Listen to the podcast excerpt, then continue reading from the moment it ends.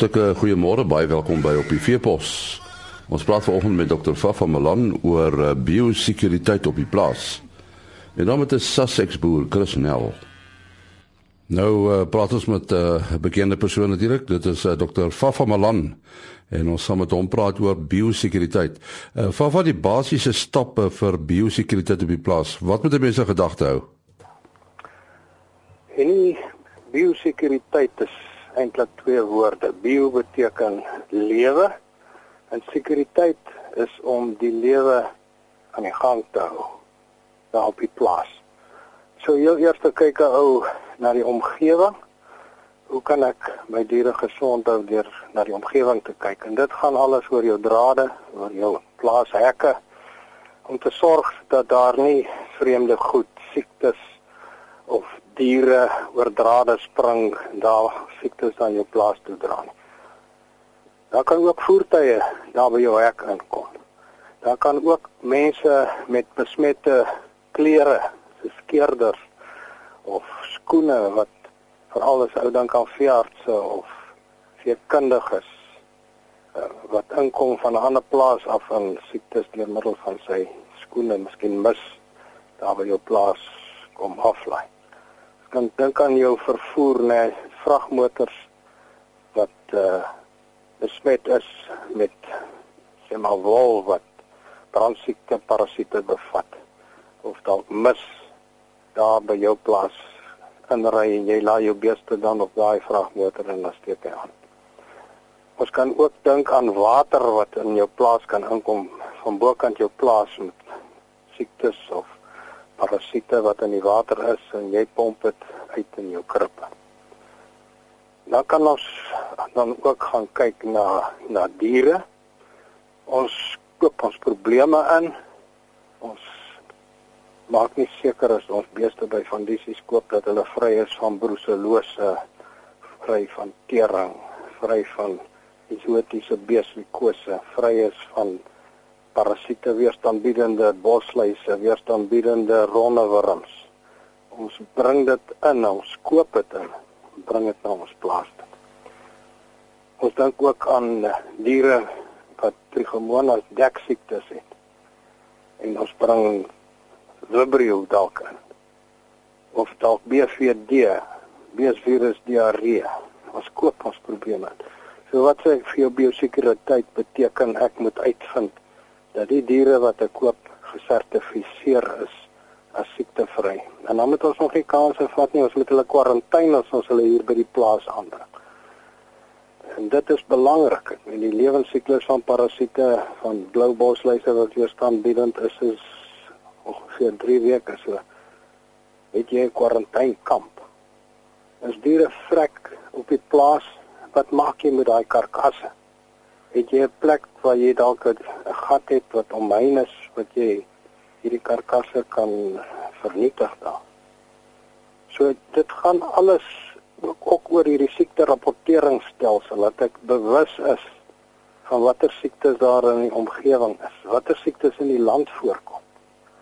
Ehm um, dit is 'n vroeë waarskuwingsstelsel wat daar nie oorendal hulle mee besig is dat ons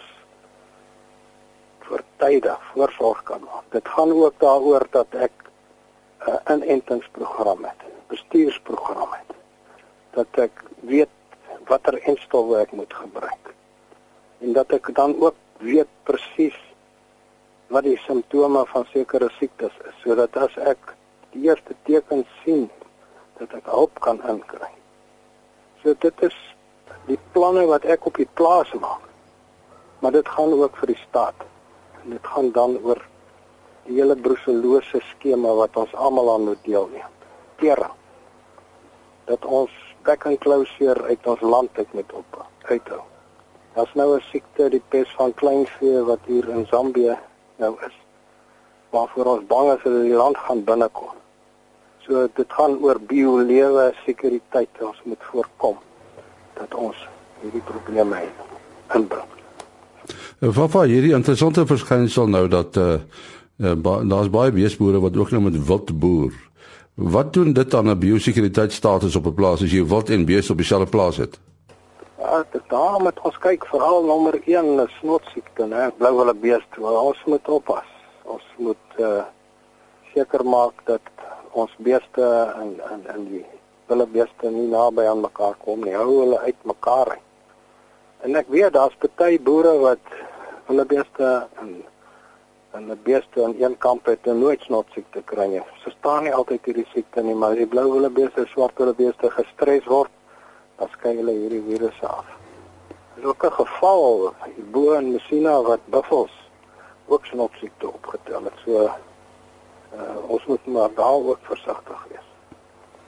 Fafa, as mense vra het jou telefoonnommer? Ek wil eers sê hulle moet gaan kyk op landbou.com daar by vra vir Fafa en my telefoonnommer is 082 90 88 666. Ons sê dankie aan Dr. Fafa Malan en net weer sy nommer dis 0829088666. Chris Nel is 'n Sussex boer. Hy het die uh, Eversar Sussex stoet. Hoe lank het jy nou al die stoet, Chris? Uh van 1970 af. En wat het jy voor die tyd gedoen? Uh nee, toe uh, maar gewone kommersiële beeste gehad. En uh hoe kom jy juist die Sussex gekies? Ja, kyk, dis maar net maar my jong dae, ons het 'n melkery gehad. En uh die eerste keer toe ek nou Sussex baan, ek het met te doen gehad, 'n vriend van my het Sussex gehad. Is dit maar 'n ras wat my onmiddellik getrek het. Ek het by hom gesien op die die Sussex op die veld uh, uh die aanpasbaarheid wat ek gehad het en dit het my maar getrek om met hom te boer. En en watter omgewing boer jy? Uh Petrusstein hier in die Noordwes Vrystaat. Is dit 'n goeie gebied vir vir daai soort beeste? Ja, ek ek boer met sessies net op afvalgrond wat ons nou nie kan saai nie. Uh dis maar ons bly in 'n saai deel, saai gebied en nou boer ons maar sessies op uh op, op afvalgrond. En en Chris, hoe groot is jou stoet? Uh om 120 125 koeie. Dan nog so 30 35 verse. En jy jy het 'n interessante benadering uh wat die gemiddelde ouderdom van jou koeie in die stoet betref. Verduidelik 'n bietjie daai die beginsel. Uh maar gaan dit dan vernaam as jy in die stoet boer? En dien jy nie jou ouer koeie sê byvoorbeeld van 2000 vir jare is dit 2008 in die mark beskikbaar stel nie dan jou jonger teeler wat begin kry dan nie baie goeie teelmateriaal nie want gewoonlik sit jy maar verkoop jy die wat jy nie wil hê nie. En nou is jy gedwing om 1 jaar se aandeel alles te verkoop. Uh dit is in die jou dit is in die eerste plek. In die tweede plek het uh, voor het, het ek net gevoel dat indien jou koeie aanhou in jou stoet wat baie oud is en jy bly hulle beskou as uitmuntende koeie, dan het jy nie goeie teelvordering gemaak nie. Nou as jy mens 'n uh, stoetboer is, dan jy sekere sekere seleksie kriteria. Wat is joune?